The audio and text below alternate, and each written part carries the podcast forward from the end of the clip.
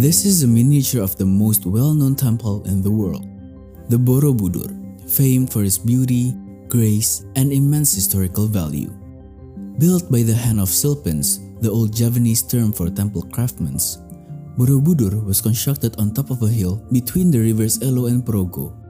This massive temple was said to be the grand project of the house of Sailendra, rulers of the old Java during the 9th century, particularly King Samaratunga and his daughter Pramoda Wardani.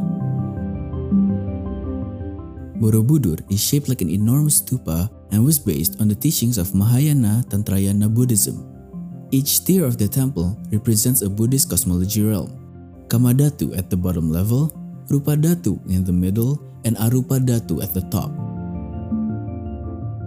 This is the largest Buddhist temple globally, with 10 terraces, 4 gates on each side, 2672 panels of reliefs, 73 stupas, and 504 statues of Buddha. The Borobudur Temple was listed by UNESCO as a World Heritage Site in 1991 and is now widely considered of one of the world's wonders.